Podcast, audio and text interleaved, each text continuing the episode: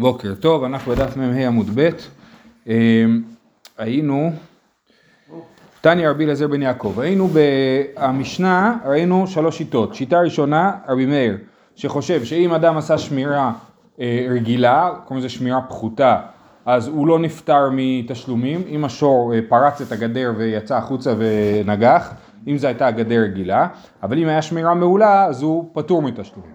רבי יהודה אומר, בשור תם שמירה מעולה פותרת אותו מתשלומים ובשור מועד אפילו שמירה פחותה פותרת אותו מתשלומים ואתמול ראינו איך הוא למד את זה מהפסוקים. ושיטה השלישית שיטת רבי אליעזר שאומר ששור מועד אין לו שמירה אלא סכין. מה אפשר לעשות עם שור מועד? להרוג אותו אין מה לעשות איתו. כן לשחוט אותו אה, טניה, אני בערך אה, שמונה שורות מלמטה, רבי אליעזר בן יעקב אומר, אחד תם ואחד מועד ששמרו שמירה פחותה פטור. אז בברייתא מופיעה שיטה נוספת שלא הופיעה במשנה, ששמירה פחותה מספיקה לכל השברים. ברגע שאדם עשה לשור שלו שמירה פחותה, והשור יצא והזיק, הוא פטור מתשלומים. אה, הגמרא מסבירה למה, מה איתמה? סבר לה כרבי יהודה דאמר מועד בשמירה פחותה סגילי. הוא מסכים עם שיטת רבי יהודה שלמד מהפסוקים שלשור מועד מספיק שמירה פחותה. ויאליף נגיחה לתם נגיחה למועד. ואז הוא עשה לימוד נוסף מעבר לרבי יהודה ואמר כמו הדין של מועד ככה הדין של תם אז אם למועד מספיק שמירה פחותה גם לתם מספיק שמירה פחותה בניגוד לרבי יהודה שהוא אמר הוא לא למד את הלימוד הזה. הוא אמר אני למדתי רבי יהודה אמר אני למדתי שלמועד מספיק שמירה פחותה אבל לטעם לא מספיק שמוע פחותה, אמרנו לא ישמרנו בעליו. זה הפוך. נכון, אמרנו. אמ, אה, ורבי אליעזר בן יעקב, אני כן לומד טעם ממועד, ואפילו לטעם מספיק שמירה פחותה. אז זו השיטה הרביעית בעניין.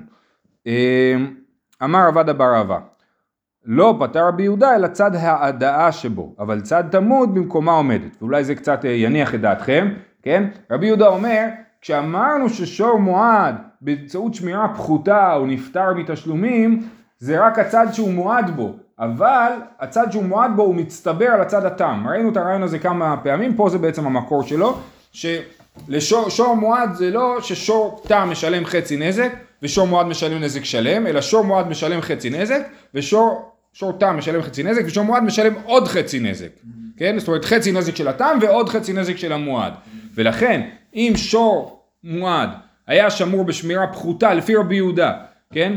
אה, אה, שבתור שור מועד השמירה הפחותה פוטרת אותו מתשלומים, אבל בתור שור תם השמירה הפחותה לא פוטרת אותו מתשלומים, אז הוא ישלם חצי נזק של השור תם ולא ישלם את החצי נזק של השור המועד, כן?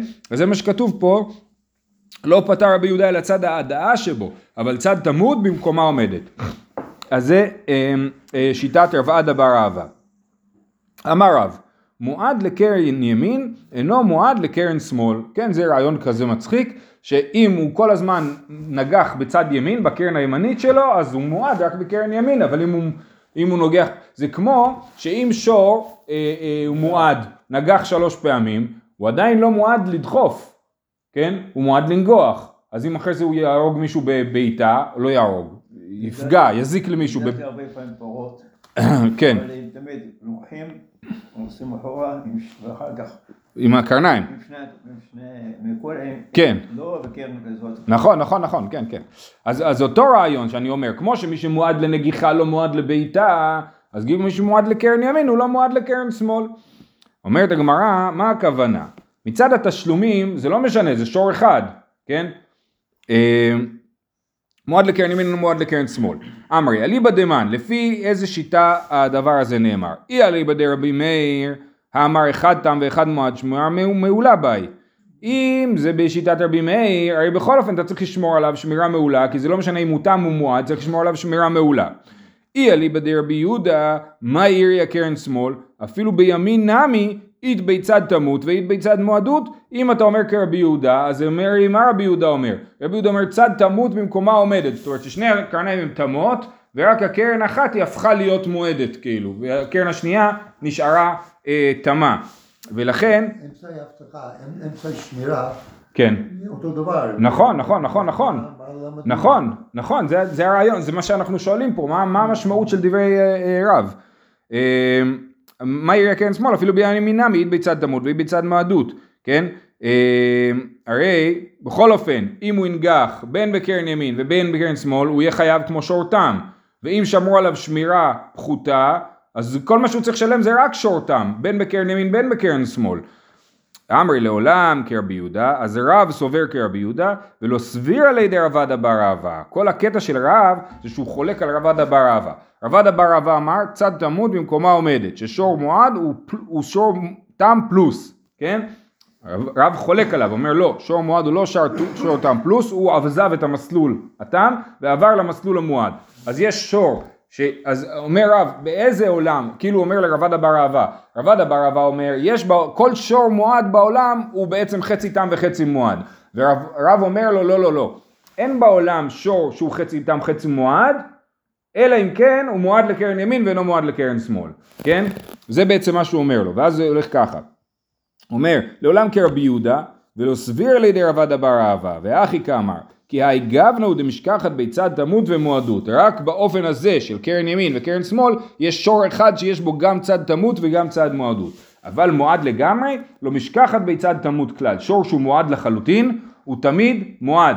ואם, הוא, או שהוא משלם נזק שלם, או שהוא פטור לגמרי מנזק, כן? אם יש שור שיש לו קרן אחת אה, מועדת וקרן אחת לא מועדת, אז תלוי באיזה קרן הוא נגח, אנחנו נדע כמה הוא צריך לשלם, נכון? הרי לפי רבי יהודה אמרנו ששמירה פחותה פותרת אותו בשור מועד. אז יהיה לי שור שהוא מועד לקרן ימין, ושמרתי עליו שמירה פחותה. אם הוא ינגח בקרן ימין, אני אהיה פטור. אם הוא ינגח בקרן שמאל, אני אשלם חצי נזק, כי הוא תם לקרן שמאל, כן? אבל זה המצב היחיד שיכול להיות שור שמשלם חצי נזק אם הוא שור מועד. אבל שור מועד לגמרי, אם שמרתי עליו שמירה פחותה, לפי רבי יהודה הוא נפטר לגמרי מתשלומים. זה בעצם הטענה של רב לפי הגמרא. הלאה, רבי אליעזר אומר אין לו שמירה על הסכין. אמר רבא, מי תימא דרבי אליעזר, למה רבי אליעזר, מאיפה רבי אליעזר לומד שמה שעושים עם שור מועד זה לשחוט אותו, ואמרנו, ומה המשמעות של זה? לכאורה המשמעות של זה היא שכל נזק שהשור מועד הזה עושה, ולא משנה כמה שמרתי עליו עם אה, אזיקים ושלשלות של ברזל, אני אהיה חייב נזק שלם כי אין לו שמירה על הסכין. אומרת הגמרא, אמר קרא ולא ישמרנו, כן כתוב ולא ישמרנו בעליו, שוב אין לו שמירה לזה, ולא ישמרנו בעליו זה לא שהבעלים לא שמר אותו, אלא אי אפשר לשמור אותו, לא ישמרנו בעליו אי אפשר לשמור אותו. אמר לאביי, יהיה למעתה, אם ככה אתה לומד, דכתיב ולא יכסנו, כן, שאדם כי יפתח ישבור כי יכרה ישבור ולא יכסנו, נמי, שוב אין לו כיסוי לזה, מה תגיד? שאם אה, אה, אדם פותח בור אין לו כיסוי, כמו שאתה אומר ולא ישמרנו הכוונה אין לו שמירה, אז ככה תגיד גם בבור, ולא ישמרן ולא יכסנו אין לו כיסוי, אי אפשר לכסות בור, עשית בור אתה לעולם תהיה חייב בכל הנזקים שלו, זה אפשר לשמור. אה, כן, אבל כאילו הדרשה היא דרשה מהפסוק שגם גם שור אפשר לשמור בסופו של דבר, כן?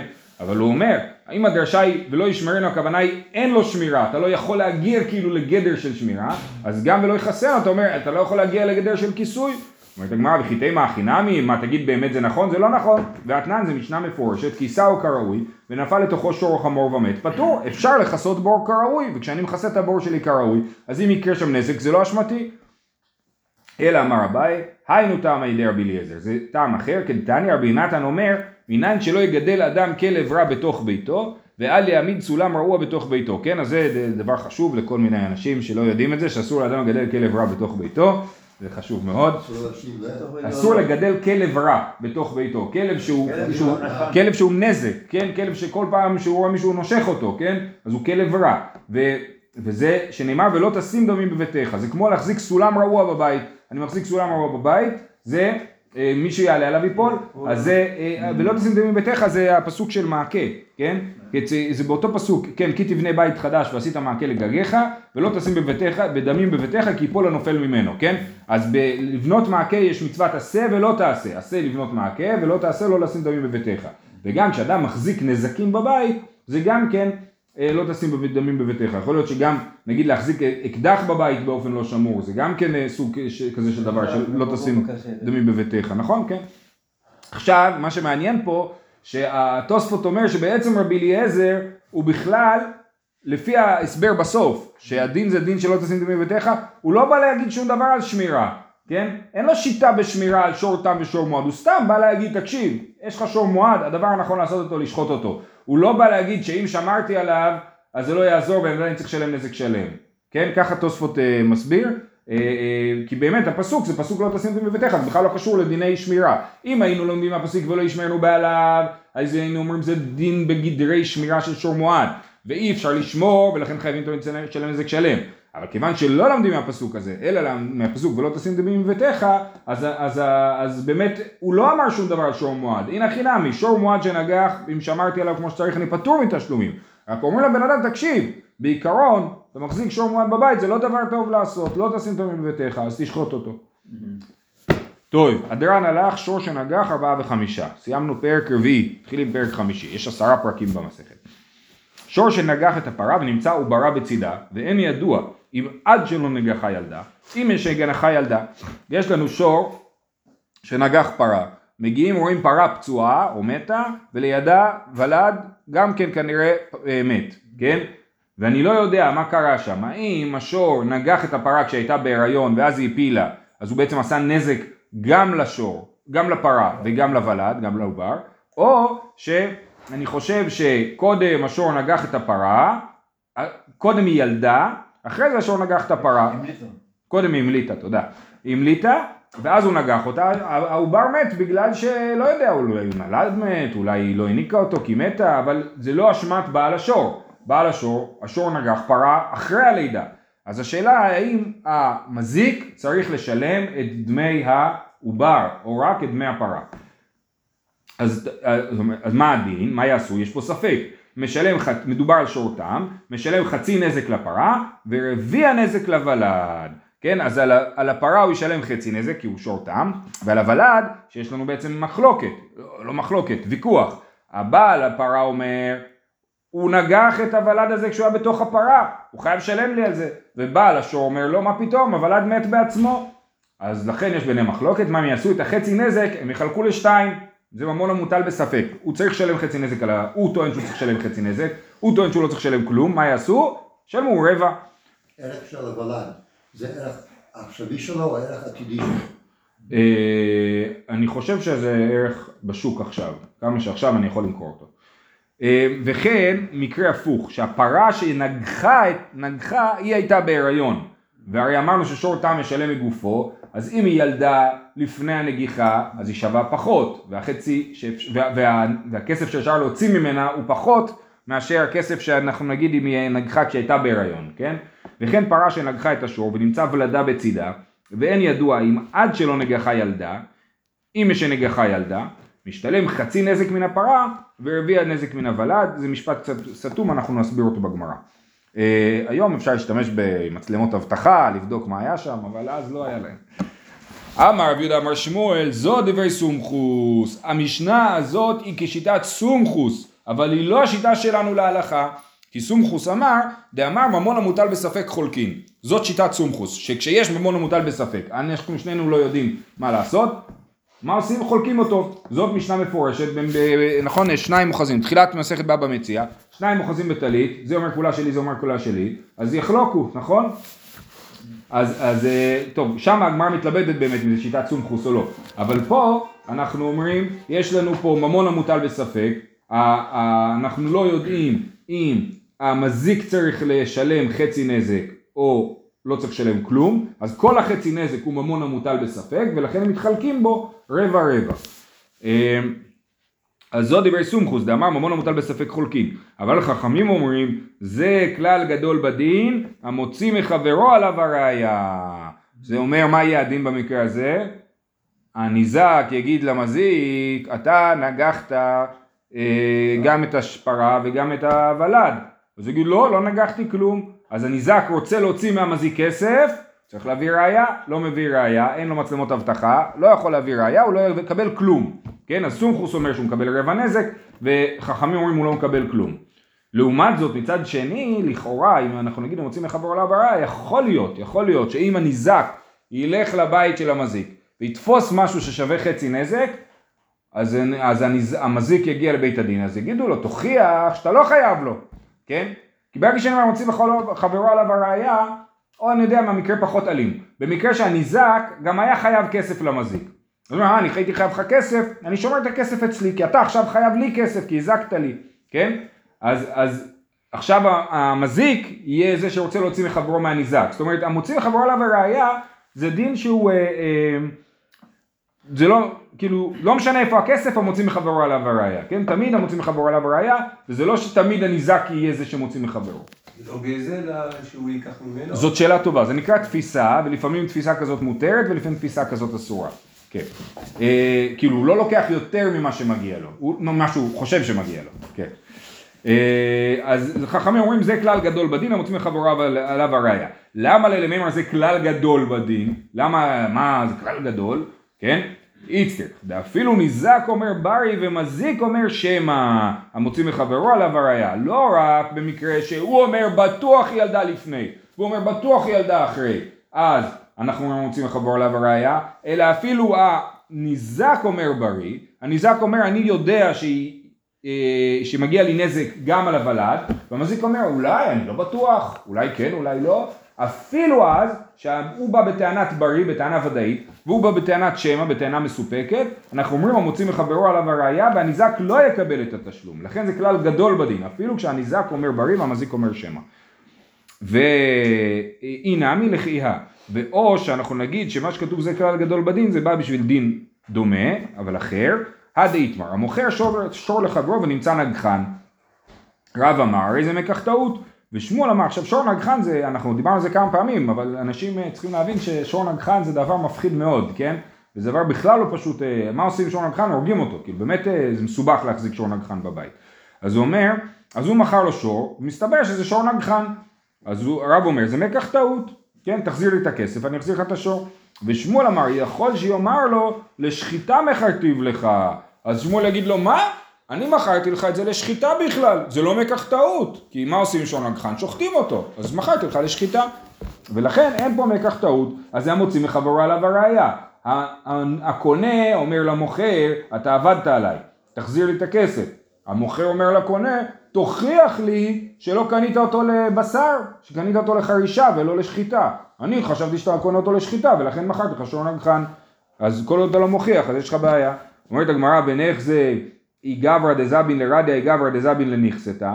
בוא נראה אם זה בן אדם שקונה לחרישה או בן אדם שקונה לשחיטה. אם הוא בעל אטליז, כנראה שהוא קונה לשחיטה. אם הוא בעל שדה, כנראה שהוא קונה לחרישה, נכון? ואז אפשר לדעת בצורה הכי ברורה. אומר, לא צריכה בגברא דזבין לאה ולאה, הוא בעל נכסים רבים, יש לו גם אטליז וגם שדה. אה, ונך זה אידמי, אידמי רדיה לרדיה, אידמי נכסה לנכסתה.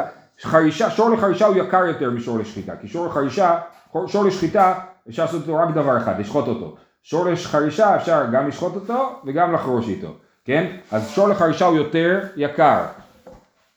אה, אז בוא נראה כמה שילמת, לפי מה ששילמת אנחנו נדע מה הייתה הכוונה, המוכר לא יוכל להגיד מכרתי לך לשחיטה כשהוא לקח כסף ששווה לחרישה, כן? אומרת הגמרא לא צריכה דאוקר ביסרא וקאי בדמי רדיה, היה איזושהי סיטואציה שהבשר היה מאוד ביוקר ובאמת אי אפשר לדעת לפי התשלום של הכסף אה, אה, אם זה היה לחרישה או לשחיטה. זה מעניין, היום מי קונה שור לחרישה? אף אחד, אין שור לחרישה, נכון? מה, למה שור? רק לבשר, אבל משתמשים בשור, לארבעה, זהו. אה, אוקיי, אז באמת, אולי בהודו הם... אולי בהודו, כן. בהודו דווקא לא שוחטים, כן. לא אסור להם לאכול את הבשר, כן. אה, אז בכל אופן, אז יש לנו פה במצב שאנחנו לא יכולים לדעת לפי הבן אדם, אם הוא, זה, אולי יש שם עוד גמרא על השולחן? כן. אה, אז אה, אנחנו לא יכולים לדעת לא לפי הבן אדם ולא לפי התשלומים האם זה שור לחרישה או שור לשחיטה ולכן אנחנו אומרים המוציא מחברו עליו הראייה אמרי עכשיו מה רב אמר? רב אמר שזה יהיה מקח טעות נכון? שאם הוא טוען שהוא קנה את זה לחרישה לשח... חרישה ולא לשחיטה והש... והשור הוא נגחן אז זה מקח טעות. אומרת הגמרא ואיליקה להשתלו ממני לישקלי לתורה בזוזי דאמרין שממרר שבטח פרי איפרא. זאת אומרת, אומרת הגמרא לרב, רגע רגע, אתה אומר זה מקח טעות, הרי אם אין למוכר כסף, אז מה תיקח? תיקח את השור, כאילו אתה אומר ככה, אני קניתי שור, מסתבר שהשור הזה נגחן, אז אני רוצה להחזיר אותו, אומר המוכר, אה אני מצטער, בזבזתי כבר את כל הכסף, קניתי אה, סמים, כן?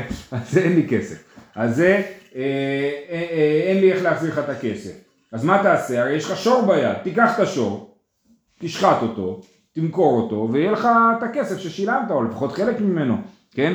אז למה הרב אומר שזה מקח טעות, כשבעצם אתה אומר שאתה יכול לפרוע מהשור בעצמו את הכסף שכאילו מגיע לך.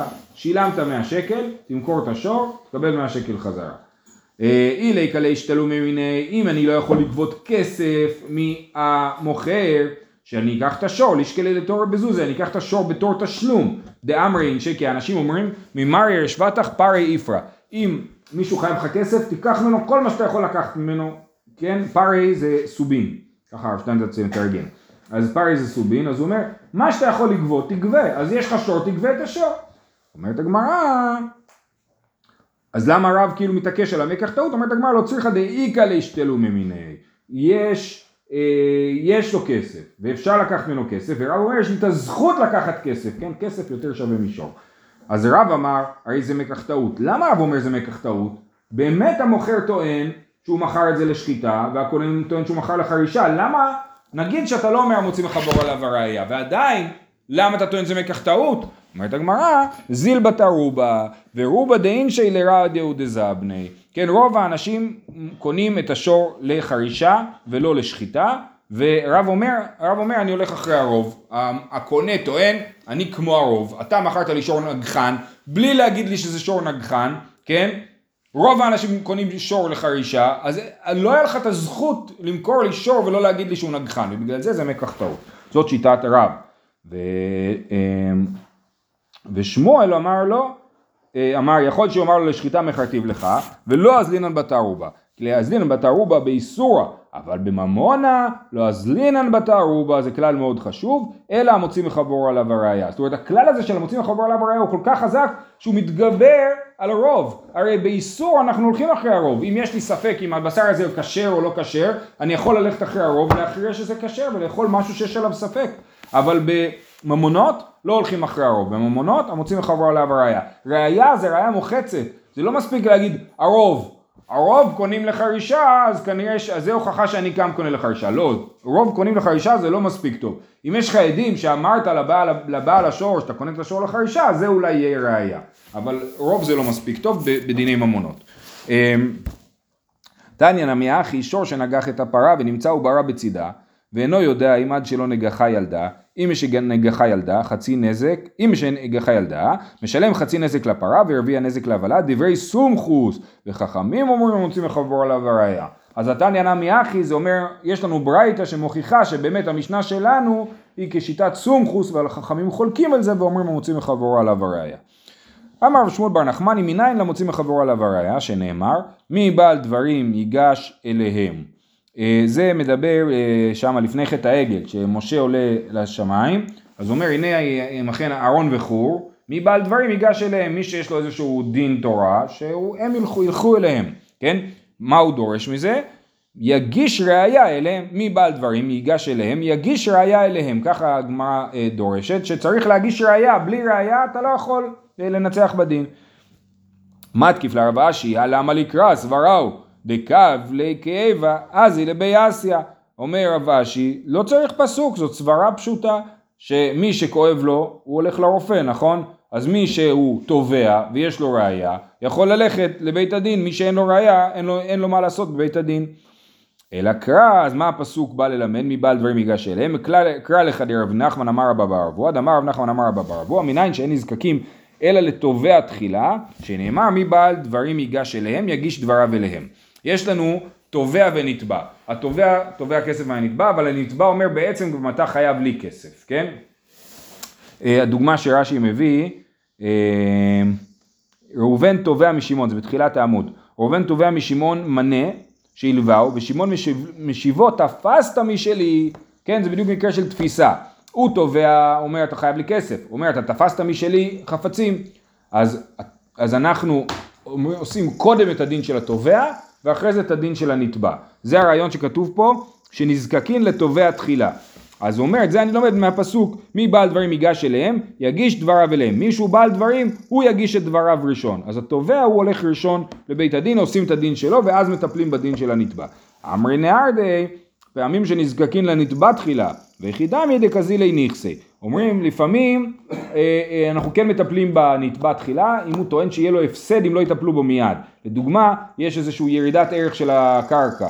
אני רוצה מהר מהר למכור את הקרקע שלי, אז בואו תסגרו את הפינה שלי לפני שאני אה, מאבד פה כסף ואז תטפלו בתובע. אז באופן עקרוני מטפלים קודם כל בתובע ואחרי זה בנתבע ו, ולפעמים כשזה יכול לעשות הפסדים לנתבע אז מטפלים בנתבע קודם. אה, המשך המשנה היה וכן פרה שנגחה את השור. אמרנו שיש לנו ספק בין אם הפרה היא הצד הניזק ובין אם הפרה היא הצד המזיק כי שור תם משלם מגופו. אה, עכשיו המשפט שהמשנה אומרת הוא משפט משונה. אם יש שנגחה ילדה משתלם חצי נזק מן הפרה ורביע נזק מן הוולד. מה זאת אומרת? למה שהוא ישלם? הרי הוא יש פרה שנגחה שור. פרה תמה שנגחה שור אז כמה היא צריכה לשלם? חצי נזק. אבל מה כתוב במשנה? שהוא ישלם חצי נזק מהפרה ורבע נזק מן, ה, מן הוולד, אז הוא יקבל שלושת רבעי נזק, למה שהניזק יקבל שלושת רבעי נזק שהזיק לו רק שור תם? זה לא הגיוני, כן? אומרת הגמרא, אה, אה, רגע, וכן פרה שנקחה את השור וכולי, חצי נזק ורביע נזק, פלגה נזגהו תבאי שלומי. כולי נזקי נקי ריבה, מה יביד יבידתי? למה הוא ישלם לו את כל הנזק פחות רבע, זאת אומרת שלושת רבעי? למה שבכלל הוא יקבל שלושת רבעי הנזק? זה לא הגיוני. אמר אביי, חצי נזק, אחד מארבעה בנזק, ורביע נזק, אחד משמונה בנזק. זאת אומרת, מה שבעצם אביי מסביר, ותכף אנחנו נראה את זה, זה שיש פה שותפות בין שני אנשים. הפרה שנגחה, כן? היא הייתה בהיריון, והיה כבר מישהו שקנה את הוולד. אז עכשיו בעצם התובע, הניזק, הוא תובע שני אנשים, הוא תובע את בעל הפרה והוא תובע את בעל הוולד, אז בעל הפרה אומר לו, אנחנו, בעצם הוא אומר זה כאילו הפרה שלי ביחד עם הוולד שלה ביחד עשו את הנזק, כן? אז רבע נזק אני אשלם לך, אבל רבע תיקח מהשני, אוקיי? אז זה המקרה, אז אביי אמר חצי נזק זה אחד מארבעה, זה אה, אה, רבע, בעל הפרה משלם רבע.